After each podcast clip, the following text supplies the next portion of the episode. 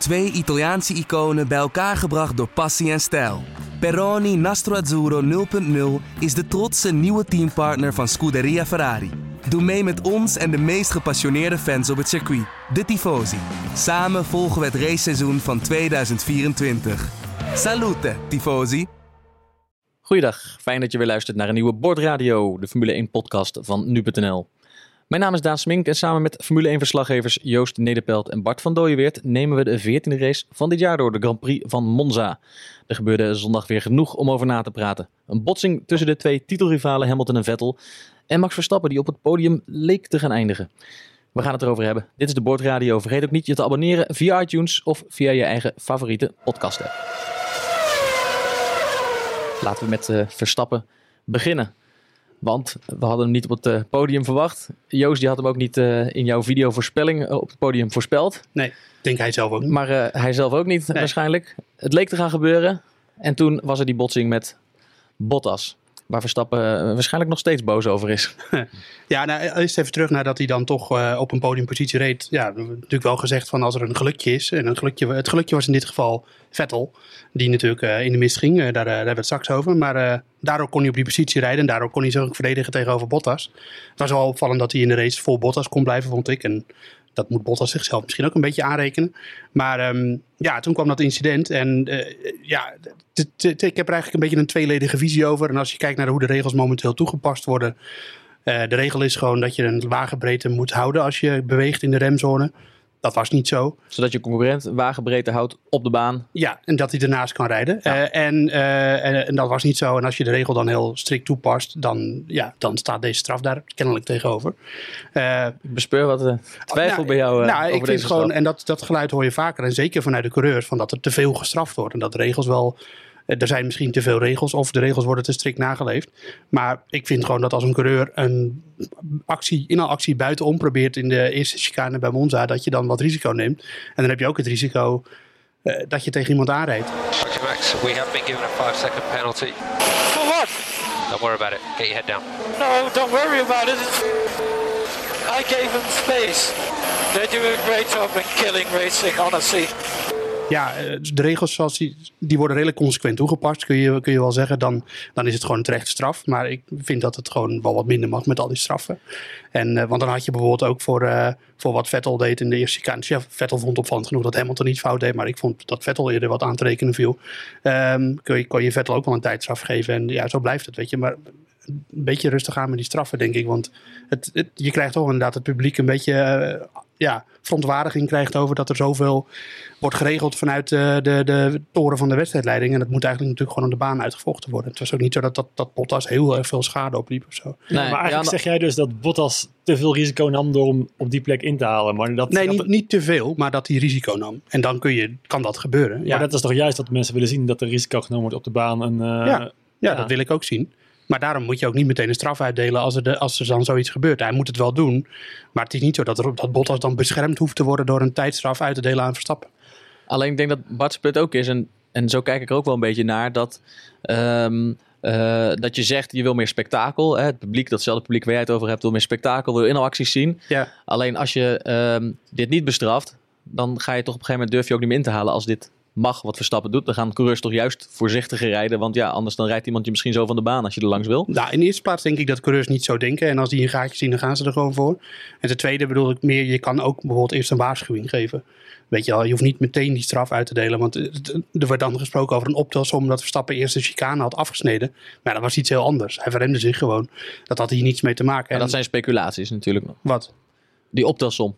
Nou, dat, ja, inderdaad, dat zijn speculaties en, en, ik geloof er ook niet zo in. Het is meer gewoon zo dat het nu, dit incident vond plaats en Verstappen krijgt meteen die vijf seconden straf. Mm. Dat is best wel dat, dat vond ik inderdaad ook al het meest opvallend. Dat er, er waren natuurlijk nog tien rondes te gaan en uh, vlak na het gebeurd was, ik denk twee minuten later was al meteen die tijdstraf daar. En ik denk, ja, hebben ze er wel echt zorgvuldig naar gekeken? Want het is natuurlijk wel een belangrijke beslissing. En ik snap ook dat ze het voor het einde van die race die beslissingen moeten gaan nemen. Anders krijg je ja. Verstappen op het podium en dan moet je uur na de race zeggen van... Uh, oh, dat willen ze zeker niet meer, nee, nee. nee maar ja, het zijn natuurlijk zulke kleine verschillen. Is er wel of geen eh, autobreedte ruimte voor hem. Ja, daar ging het om. En, Ja, nou, die was er niet. nee, maar, dat, Maar, ja, maar het is ook zo dat, dat. Bottas zichzelf in dat gat remt. En dat gat is, was er wel een beetje. Maar eh, ja, eh, Verstappen heeft ook het recht om zich te verdedigen. Nou, dat deed hij iets te veel. Maar om dan gelijk die straf uit te delen. Ik bedoel, Mhm. en, en nogmaals, in de consequent, de- zoals de, de VIA die straffen tegenwoordig oplegt, is het gewoon, past het in die lijn. Maar ik vind die lijn gewoon niet goed. Dat is het meer. Ik vind dat het gewoon veel meer eerst met een waarschuwing. En zeker als Bottas er niet afvliegt en in de vangrail hangt, dan vijf seconden straf vind ik dan wel eh, een beetje overdreven. En, en, en nogmaals, dus het is terecht dat hij hem krijgt.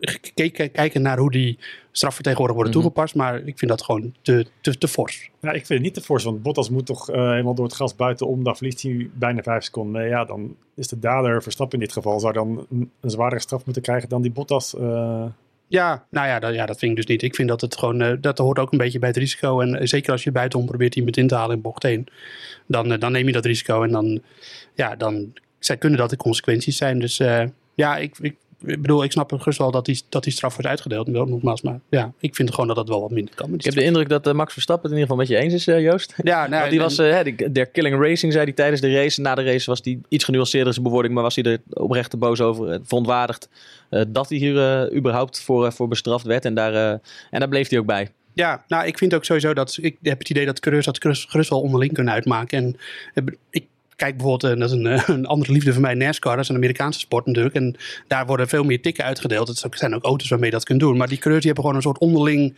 eh, systeem van. eh van eh, er staat een rekening open, die wordt weer ingelost, zeg maar. Je krijgt een keer een tik terug en klaar. En dat is Maar het dan. ja, dan en daar wordt, ook niet meer over, er wordt ook niet meer over geluld, weet je wel. En natuurlijk is NASCAR iets heel anders dan Formule 1. Maar ik denk dat je die coureurs dat gewoon veel beter zelf kunt uit Ja, laten maken. Bottas vond wel terecht hè, dat hij eh, de Ja. straf gegeven was. Dat zou ik natuurlijk ook zeggen als ik hem was. Maar Tuurlijk ja, de terecht. regels zijn duidelijk. En eh, ja, Ja. volgens mij ging Verstappen gewoon fout in. En eh, heeft hij straf gekregen die hij verdiende. Nee, maar daar heeft hij ook gelijk in. Want de regels zijn duidelijk. Maar de vraag is, zijn de regels goed? Dat is een andere kwestie. Ja, ja, en dan heb je nog het punt. Ik bedoel, ja, het is aardig vergelijken met NASCAR alleen. Je zegt al, die auto's kunnen wat meer hebben. Eh, nu konden Bottas en Verstappen allebei verder. Ja. Maar heel vaak bij dit soort touches eh, eh, ligt er minimaal één van de twee eh, uit. Ja, nee, maar als hij er dan uit ligt, dan is het een ander verhaal. Dan kan je misschien wel die straf geven. Maar als hij allebei verder kan, ja, waarom moet je Ja, dan maar je moet toch de straf geven op, op de overtreding wordt, wordt gemaakt en niet op de consequenties. Nou, dat vind ik, ja, daar kun je van mening over ver- verwisselen. Ja, ik vind dat gewoon niet zo. Ik denk dat het gewoon wel wat minder kan met al die straffen. Ik vind dat, ik, ik volg echt al heel lang Formule 1 en ik zie het elke keer zie ik het wat verder gaan met die straffen. En er zijn natuurlijk ook steeds meer manieren gevonden om straffen te geven. Je hebt, op een gegeven moment had je de, de, de, de drive-through penalty. Nou, die wordt bijna nooit meer gegeven. Tegenwoordig zijn het allemaal tijdstraffen. En ja, ik weet het niet. Ik vind, ik mag gewoon wel wat meer op de baan uitgevochten en wat minder in de toren van de wedstrijdleiding. Helder. Ja. Ehm, positief voor Max Verstappen was het feit dat hij dus op dat moment nog voor Bottas lag op weg naar een podium eh, leek. Ja. Eh, ook doordat de nieuwe motor het eh, best wel aardig deed. Ja, in de kwalificatie zagen we dat nog niet heel erg terug. Eh, hoewel je, weet natuurlijk nooit met welke eh, tijd hij eh, achter de twee topteams was gefinished in de kwalificatie. Maar nu viel het ook nog wel mee, vond ik. Maar in de race, ja, hij kon gewoon voor Bottas blijven.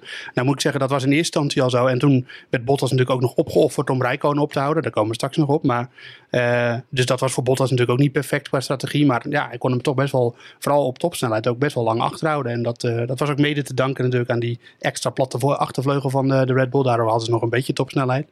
En ik denk dat Verstappen ook die laatste bocht, hè, de parabolica, elke keer wel op een manier nam waardoor hij veel topsnelheid meenam op het rechte stuk. En daardoor kon Bottas er steeds niet bij komen. Ook niet met DRS. Dat vond ik wel heel knap eigenlijk. Hij was er zelf ook eh, best wel te spreken over. En dat, eh, dat merken we niet vaak bij Verstappen, dat hij eh, tevreden is over zijn materiaal. Dus dat zegt toch ook wel, eh, toch ook wel een hoop, denk ik. Zeker weten, ja. ja. En- Ja, ja, want hij had ehm, eh, uiteindelijk getekend misschien voor, een- voor de vierde, vijfde plaats hè, vooraf. Eh, dan ligt hij derde, houdt hij het lang vol. Hij zegt zelf dan ook na afloop. Ehm, goed, Bottas, eh, er was een ander moment was hij er waarschijnlijk ook niet meer langs gekomen. Want verder is hij niet in mijn buurt geweest. En eh, hij probeerde het hier gelijk. Maar hij was echt van overtuigd dat hij hem wel achter zich had kunnen houden. Hè? In die tien ronden geloof ik die nog resteerden. Ja, tien ronden nog te gaan. En ja, of, of dat waar is, is, een- ja, is koffiedik kijken. Is voor ons van de zijkant ook moeilijker te zeggen dan als je zelf in die wagen zit en het gevoel hebt van eh, hoe, hoe goed je hem achter je kan houden of niet. Eh, dus ja, daar moeten we maar. eh, Ja, Bottas had, natuurlijk, wist- had natuurlijk, Bottas had natuurlijk ook gehoord van het team dat hij een vijf seconden straf kreeg. Dus die hoefden hem ook niet meer in te halen. Nee, die laatste tien ronden, dat was, die hadden ze net zo goed niet meer kunnen rijden eigenlijk. Nee, Ja. nee, hij werd misschien wel een beetje zenuwachtig toen Vettel steeds dichter in zijn buurt kwam. Maar nou, dat was ook op een gegeven moment geen bedreiging meer. Ja, want daar nog over. Aan de ene kant kun je zeggen, het tekent de winnaarsmentaliteit van Verstappen. Dat hij zei, eh, toen dacht ik, eh, na die straf dacht ik, nu komt hij er helemaal niet meer langs. Aan de andere kant zijn er ook mensen die zeggen van ja, had hij hem er wel langs gelaten. eh, dan had hij misschien nog vierde geëindigd. Ja. Had, had Vettel nog wat verder achter hem gezeten. Ja, maar Verstappen die zit op dit moment op zo'n positie in het kampioenschap dat hij kan niet meer... Maakt er niet meer uit. Nee, ja, het enige wat eigenlijk nog een beetje van belang is dat hij voor Ricciardo blijft. Daar staat hij nu 12 punten voor. Ook dankzij natuurlijk dat Ricciardo gisteren uitviel. Ja. Maar, eh, maar verder naar voren en naar achter toe is er helemaal geen dreiging meer. Dus dan vindt hij een podium belangrijker dan of hij nou vierde of vijfde wordt. Ja, dat zei hij vorige week ook. Hè, van, eh, ja, alleen de winst telt voor mij. En Of ik nou tweede of derde of laatste word, het maakt me echt eh, helemaal geen zaak uit, om het zo maar even te zeggen. Nee. En eh, ja, ik vind het ook wel een beetje gek of zo. Want hij is natuurlijk nooit, eh, nooit hoger dan vijfde in de WK-stand geworden. Dus stel dat je dit jaar misschien derde kan worden, is dat toch een mooie, mooie benchmark voor de rest van je carrière. Maar ja, het maakt helemaal gewoon niks uit of die, of die tweede of vijfde wordt. Dat is ook wel mooi, toch? Dat betekent ook vaak wel de, de winnaars. Dat hij Ja. denkt, ja, wereldkampioen word ik niet meer. Dan, dan probeer in. ik gewoon nog een race te, te winnen. En verder eh, zal het mijn worst wezen. Ja. Nou, ik, heb het, ik denk dat het voor Red Bull ook allemaal niet zoveel meer uitmaakt qua geld en dat soort dingen. Dus eh, nee, dat, eh, ik snap wel dat hij er zo in staat. En, eh, en in Singapore gaat hij het gewoon weer proberen, denk ik. En dan is het podium wel echt reëel. Dus, eh, Ja, gaan we het zo ook nog over hebben. Eerst Zeker. nog even naar die andere twee coureurs eh, waar heel veel om te doen was dit, eh, dit weekend. Eh, Vettel en Hamilton. De titelstrijd eh, ja, lag open, ligt nog steeds open. Maar Hamilton heeft eh, weer een uitstekende stap gezet die, die veel mensen niet hadden verwacht. Hè? Ik denk dat Hamilton echt extreem heeft genoten daar op het podium in Monza. 10.000 van de Italiaanse fans voor hem met rode vlaggen die een beetje boel aan het roepen waren. En hij heeft gewoon de race gewonnen. Vettel was vierde. Hij is eh, uitgelopen in de WK-stand. 30 punten voor nu. Dus hij kan nu een keer eh, uitvallen met een mooi probleem of whatever. En dan is hij nog steeds eerste. Dus die heeft daar echt staan genieten op het podium. Deze Ja. race had hij, eh, niets, was niet de verwachting dat hij zou winnen. Ferrari 1 en 2 was misschien wel de verwachting. En hij wint hem gewoon weer door een foutje van Vettel. En eh, zijn eigen goede kwaliteit natuurlijk. Ja, laten we dat laatste ook nog eh, wel even specifiek benoemen. Want ehm, ja, Hamilton is messcherp hè, dit seizoen. Hij slaat er elke keer toe als hij, als hij de kans krijgt. En eh, het pakt dan ook, eh, ja, geluk dwing je af, zeggen ze wel eens. Misschien was dat hier ook zo'n voorbeeld ervan, eh, Joost. Geluk dwing je af. Dat hij eh, eh, niet degene was die spinde, maar dat het Vettel was. Ja, dat was natuurlijk vooral ook omdat hij eh, de goede kant koos. En eh, dat incident even een beetje analyserend kwam het ook omdat Vettel zat achter Rijkonen en daardoor verlies je downforce als je aan het remmen bent. En dat heb je echt nodig als je wil remmen. En daardoor kon Hamilton later remmen. En, die, eh, en toen gleed Vettel er ook nog eens door natuurlijk. Ja, toen raakte hij hem. Maar Hamilton zat, dat was gewoon een fantastische actie van Hamilton. En, en ik vind het ook goed dat hij als WK-leider gewoon zo'n op- opportunistische move maakt eh, in een race die hij eigenlijk inderdaad... Het had nog niet gehoeven op dat moment. Nee, hij, hij hoefde dat niet te doen. Vettel moest winnen zondag. Ja, Vettel en niet Hamilton. Ja, Eh, Vettel had de snellere auto, dus hij hem misschien op dat moment laten gaan en denken van later in de race komt mijn kans wel weer om hem weer in te halen, want in principe ben ik toch sneller. En Ja. toch zie je hem dan onnodig te veel risico nemen. Er stond wel heel veel druk op Vettel dit weekend. En eh, hij, eh, hij had ook gereageerd nog eh, van... Ja, ik heb wel het gevoel dat ik de, de tifosi, de Ferrari-fans in de steek heb gelaten. En ze hadden meer verdiend. En ja, ik, ik dat wordt, begint toch wel een beetje een thema te worden bij Vettel. Dat hij Ja. echt... eh, of het- is al gewoon een thema dat Vettel veel fouten maakt natuurlijk. Ja, deze Cruciale race, momenten. deze race was echt illustratief voor het verschil tussen Vettel en Hamilton in de WK-strijd. Hamilton die, die foutloos is, die eh, precies toeslaat wanneer hij een kansje krijgt. En Vettel die onder druk een, een hele dure fout maakt. Ja, 30 punten. Ja, want over die fout gesproken, hè, we zoeken het nu, eh, nu bij Vettel, eh, eh, eh, wellicht terecht. Maar Ferrari als team en de strategie en het feit dat Raikkonen eh pol pakte. Eh, Ferrari kreeg er flink verlangs hè, de Italiaanse pers. Ja, dat werd een eh, eigen doelpunt genoemd eh, door, door La Gazzetta dello Sport bijvoorbeeld. Daar kopte dat groot. En het, het- ik snap ook wel dat ze het zo zien. het, uitleggen dat we gaan terug naar de kwalificatie. Daar reed Vettel voor Rijkonen. Dat is altijd een dingetje. Dat hebben we bijvoorbeeld ook bij Verstappen toch gehoord. En Ja. natuurlijk in Oostenrijk. Dat hij met Ricciardo, dat hij niet achter Ricciardo wilde rijden. Of niet voor juist Ricciardo wilde rijden. En dat heeft dan te maken met de toe. En de toe betekent eigenlijk een soort, ja, mensen kennen dat beter als slipstream. Dat je gewoon een beetje in de zuiging mee kan van de auto En in dit geval reed Rijkonen achter Vettel. En daardoor had hij, misschien alleen al daarom, maar had, sowieso had hij een heel goed rondje natuurlijk. Maar had hij ook een snellere tijd dan Vettel en ook dan Hamilton. Maar eh, Ferrari wilde natuurlijk eigenlijk Vettel op pole. Dus ik snap niet dat ze dat zo gedaan hebben. En Tactische blunder? Nou ja, ik bedoel, je kunt het niet tot op de tiende en wat is het, we hadden sprake over over honderdste van een seconde kun je het regelen. Dat, zo is het nou ook weer niet. Maar normaal gesproken had denk ik dat in deze race die zo belangrijk was en dat je zo'n kans hebt, dan had, Ve- had het Vettel natuurlijk achter Rijkonen moeten rijden en die, eh, en die pole moeten pakken. Dus ja, dan was die race heel anders gelopen. Had Vettel van Pol kunnen starten, weg kunnen rijden en had Hamilton met Rijkonen in Ja. de slag gemoeten. En dan wint Vettel zo'n race normaal gesproken. Maar eigenlijk, dit is toch tamelijk bizar dan? Want je zou zeggen, eh, gezien de WK-stand moet Vettel sowieso toch voorrang krijgen binnen Ferrari boven Rijkonen. En zullen ze toch elke keer dan eh, Vettel laten profiteren in de kwalificatie van Rijkonen. In plaats van eh, we gaan het gezellig om en om doen. ja, maar misschien vertrouwt Vettel, Ferrari wel te veel op Vettel. En denken ze, Die denken, redt zichzelf wel. denken ze er niet aan dat Rijkonen eigenlijk een snellere tijd rijdt. En, maar ja, Rijkonen is ook, ook geen pannenkoek natuurlijk. En die kan evengoed die Ferrari wel redelijk een rondje laten rijden. En eh, nu eh, was hij eh, eigenlijk ook het hele weekend natuurlijk al snel. Dat was in Spa eigenlijk ook al zo. Toen deed Rijkoon eigenlijk qua tijden niet voor, eh, voor Vettel onder. Alleen op de beslissende momenten. Dat is eigenlijk ook het hele seizoen al het probleem voor Rijkoon. Hij maakt steeds een foutje eh, in Q3 als het recht om gaat. Eh, en, en, en dan, eh, dat gebeurde nu niet. En nu staat hij in 1 op. Ja, ik dacht eh, zaterdag al van hm, Ferrari, jullie hebben hier een probleem. Want dat kun je tijdens de start kun je ook niet zomaar regelen dat de een voor de ander gaat of zo. Je gaat allebei gewoon weg en je ziet waar je eindigt. En, maar ik vond ook bijvoorbeeld dat Rijkonen, die koos ook nog eens de verdedigende lijn, de tweede chicane in. Waar het uiteindelijk misging voor Vettel. En in zekere zin natuurlijk ook voor Hamilton, want die werd ook natuurlijk aangereden. Eh, en dat had hij eigenlijk ook niet hoeven doen. Hij had ook Vettel daar al, daar had hij hem kunnen langslaten. Dat deed hij niet. En toen ging het fout. Ja. Dus dat zegt misschien ook wel weer iets over de toekomst van Rijkonen bij Ferrari. Dat, eh, die speculaties gaan natuurlijk nu helemaal rond. En dat hij misschien helemaal niet meer eh, in de tweede, de tweede rijderrol wil. Nee. Zo. Ik, ik hoorde jou voor dit weekend zeggen dat uh, jij verwachtte eigenlijk dat Rijkonen wel bevestigd zou worden dit weekend. Uh, Ja, als, ja. ook voor volgend seizoen bij Ferrari. Maar Ja. dat is niet gebeurd. Nee, ja, dat, eh, dat, dat verwacht ik omdat eh, de, de nieuwe baas van Ferrari, de, Sergio Marchionne, is natuurlijk overleden onlangs. Eh, de nieuwe baas, eh, meneer Calimeri, die is, schijnt een eh, goede vriend van Rijkonen te zijn. En, en er waren eigenlijk steeds meer stemmen. Rijkonen presteert natuurlijk ook gewoon goed dit seizoen, eh, relatief. Eh, dat, hij, dat toch nog wel een seizoen kreeg. En dat Leclerc, nou, ja, een Ferrari die een coureur na één seizoen al in hun eigen auto zet, dat gebeurt niet zo, dat gebeurt eigenlijk nooit. Dat is niet eh, des, eh, des Italiaans, zou ik bijna willen zeggen. Ik kijk wel eens naar eh, eh, Juventus of zo, wat daar voor een bejaarde achterin staan. maar nu doen ze het misschien toch wel. En dat, dat, ja, dan zou het een en ander wel kunnen verklaren. Dat zou ik bijvoorbeeld kunnen verklaren waarom de vrouw van Rijkonen met de tranen in de ogen in de pitbox stond. Weet je wel, dat er toch wat dingen spelen. Ja, het is natuurlijk speculatie hoor, maar ja, dat, dat- er is wel wat aan de hand met Rijkonen, heb ik het nu is de verwachting dat dinsdag bekend gaat worden. Is de, ja, wordt nu gezegd. En we gaan inderdaad steeds meer stemmen op dat het toch eh, Leclerc gaat worden. Ja. En, en laat ik wel even vooropstellen dat Leclerc eh, vind ik echt een groot talent. En dat, dat, ben, ik, dat ben ik niet de enige in. En dat, dat is gewoon eh, regelmatige punten pakken met de Sauber dit jaar. Hij doet het echt hartstikke goed en hij verdient gewoon een kans. Hij is opgeleid door Ferrari, zoals bijvoorbeeld ook eh, Verstappen natuurlijk ook door, door Red Bull op een gegeven moment opgepikt is. En ja, hij verdient eigenlijk wel een kans bij Ferrari. Alleen het zag er heel lang naar uit dat dat toch niet zou gebeuren. En nu ziet het er een en uit dat het toch weer gaat gebeuren. Leuk hè, die Formule 1. Het, Ja, leuk. Maar op basis van één zo'n weekend? Nee, Ja, nee, nee. is echt de coureur die dit jaar het meeste progressie heeft gemaakt van iedereen. Zeker, Ligt ja. natuurlijk ook aan de auto, maar ook hij zelf eh, ja, presteert gewoon echt eh, bijna wekelijks beter, eh, kun je bijna Is er dan nog een risico dat als Ferrari hem nu niet in die auto van de Rijkonen zet, dat een ander team hem oppikt? Want het, daar zijn niet echt veel stoeltjes, re- relevante of interessante stoeltjes meer vrij, toch? De Ja. teams zijn wel bezet, hè? Dus En Ferrari heeft ook twee teams eh, onder hun hoede. Hè. Dus dat is niet alleen eh Sauber, Alfa Romeo, maar ook Haas. De- die zijn ook sterk gelieerd aan Ferrari. Dus ze kunnen hem kwijt. Maar in principe, ja, verdient hij wel die kans. Eh, dus het is, dat is een leuk vraagteken wat nog open staat. Het is lang niet het enige vraagteken wat nog open staat. Maar Nee, daar komen nee. we zo nog op. Ja, precies. Heel benieuwd. Nog, nog heel even terug dan naar die titel, titelstrijd. Hè. Het verschil eh, 30 punten. Hamilton heeft gewoon zijn voorsprong uitgebouwd op Monza, wat, ja, het, het Ferrari-circuit.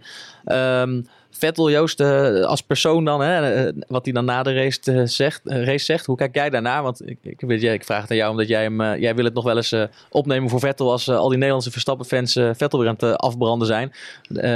Dat hij zo onsympathiek nog helemaal niet, niet is. Nee, Maar dit sprak niet echt in zijn voordeel, hè, dat hij het helemaal niet bij zichzelf zocht. Ook niet in alle rust even na de race. nee. Maar dat is eh, natuurlijk ook een Nederlandse coureur die dat ook heeft. En eh, ik denk dat het redelijk coureurs eigen is. Ik, ik, ik hoor Hebben alle coureurs dat? Nou, alle, wel in zekere mate. Ik hoor weinig coureurs zeggen dat ze... Oh, dit was helemaal mijn fout. Dat hoor je niet heel vaak. ik heb En- ook Grosjean een keer horen zeggen dit te doen. Ja, Dat is mijn ja. raad. bij Grosjean is er op een gegeven moment geen ontkennen meer aan.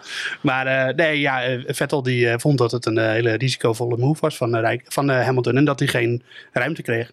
Maar dat is natuurlijk gewoon frustratie en onzin bovendien. Want, het, want Hamilton gaf hem genoeg ruimte. Daar kon er makkelijk een auto tussen. En eh, hij remde gewoon te laat, Vettel. En toch een beetje een stressmomentje misschien. En dat, ja, dat begint gewoon op te tellen dit seizoen. Uh, Hockenheim stond hij natuurlijk in de grindbak in leidende positie.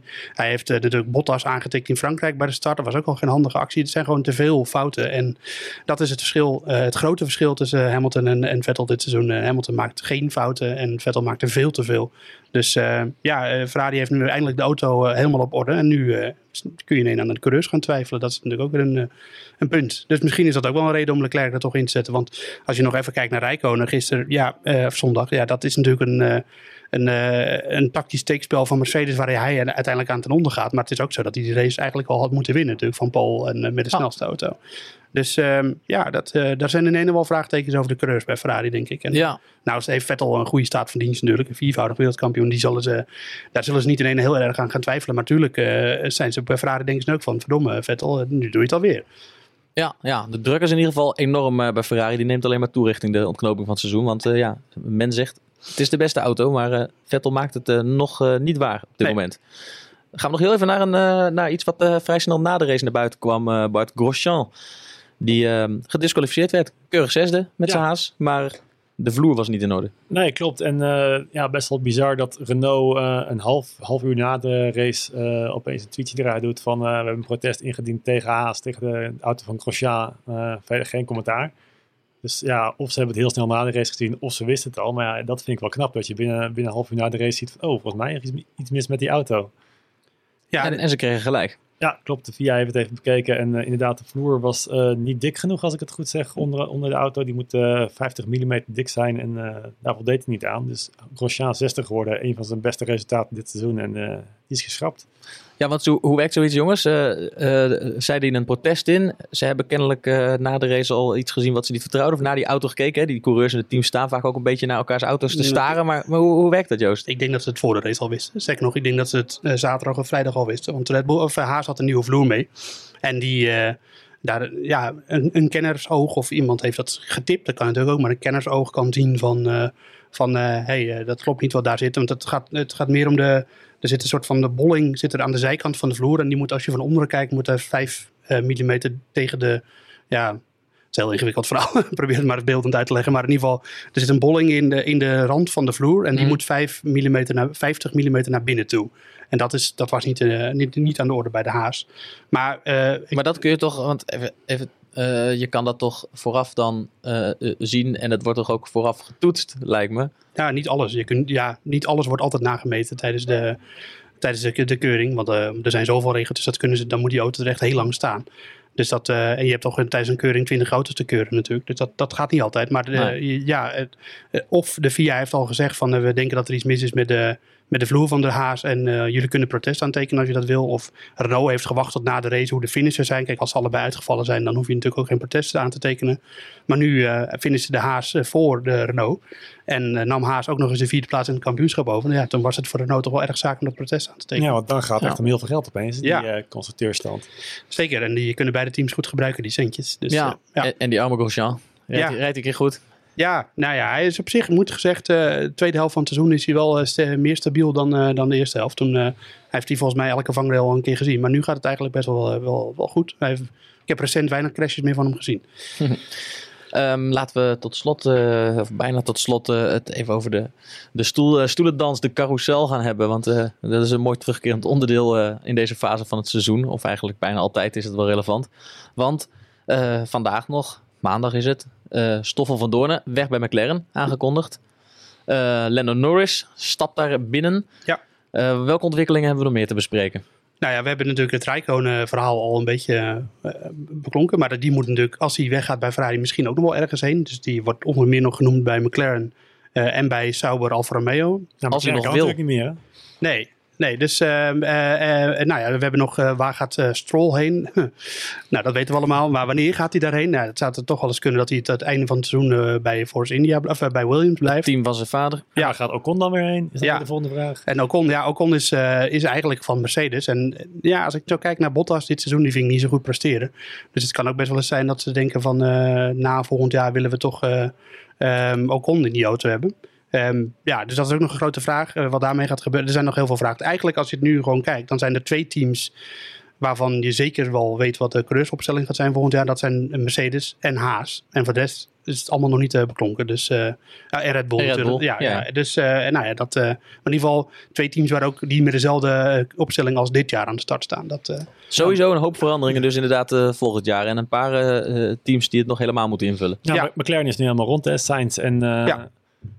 Eh, Norris, Norris, natuurlijk. ja. En, ja, Norris is, schijnt wel het grote wonderkind te zijn eh na Verstappen, zeg maar. De, nieuwe, The next best ja. thing. Ja, Ja. hij is 18 jaar, hij staat tweede in de Formule 2 en eh, ja, daar wordt wel echt veel van verwacht in Engeland. Ja, zeker. En van Van Doornen is het denk ik ook wel terecht dat het einde verhaal is. Die jongen is 26, is toch niet het talent gebleken wat hem wel werd eh, toegedicht.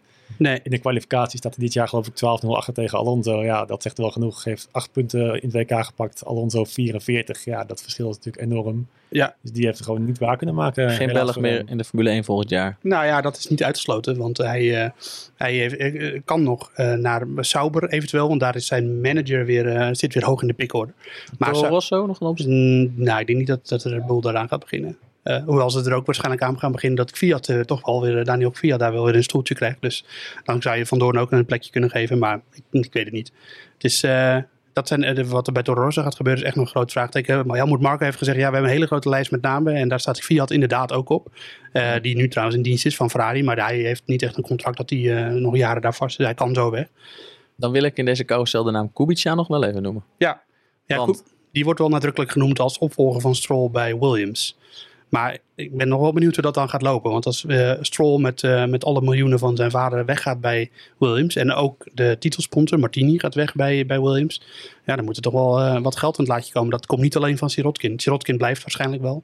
Maar, eh, en Kubica is niet een coureur die eh, miljoenen meeneemt. Er is Dus, geen eh, rijke, rijke Williams heeft Pools wel- bouwbedrijf dat daar eventjes Nee. achter gaat staan. Williams heeft wel bevestigd als eh Stroll dit, dit jaar nog Ja. de overstap zou maken naar Force India. Dan gaat Kubica, die nu reserverijder is, in ieder geval het jaar afmaken voor ze. Die eh, garantie heeft in ieder geval wel. Ja. Maar voor 2019 eh heeft niemand nog garanties. Nou, er moet gewoon, er komt een paydriver, dat kan niet anders. Er moet gewoon eh, zo'n groot gat aan miljoenen gedicht worden. Dat, eh, ja, of eh, Ocon gaat daar toch rijden met steun van Mercedes. Nou ja, goed, dat is allemaal giswerk. Maar eh, Ja, het zou in ieder geval een mooi verhaal zijn als Kubica terugkeert in de Formule 1. ja, zeker. Ik, eh, ik kijk er naar uit in ieder geval.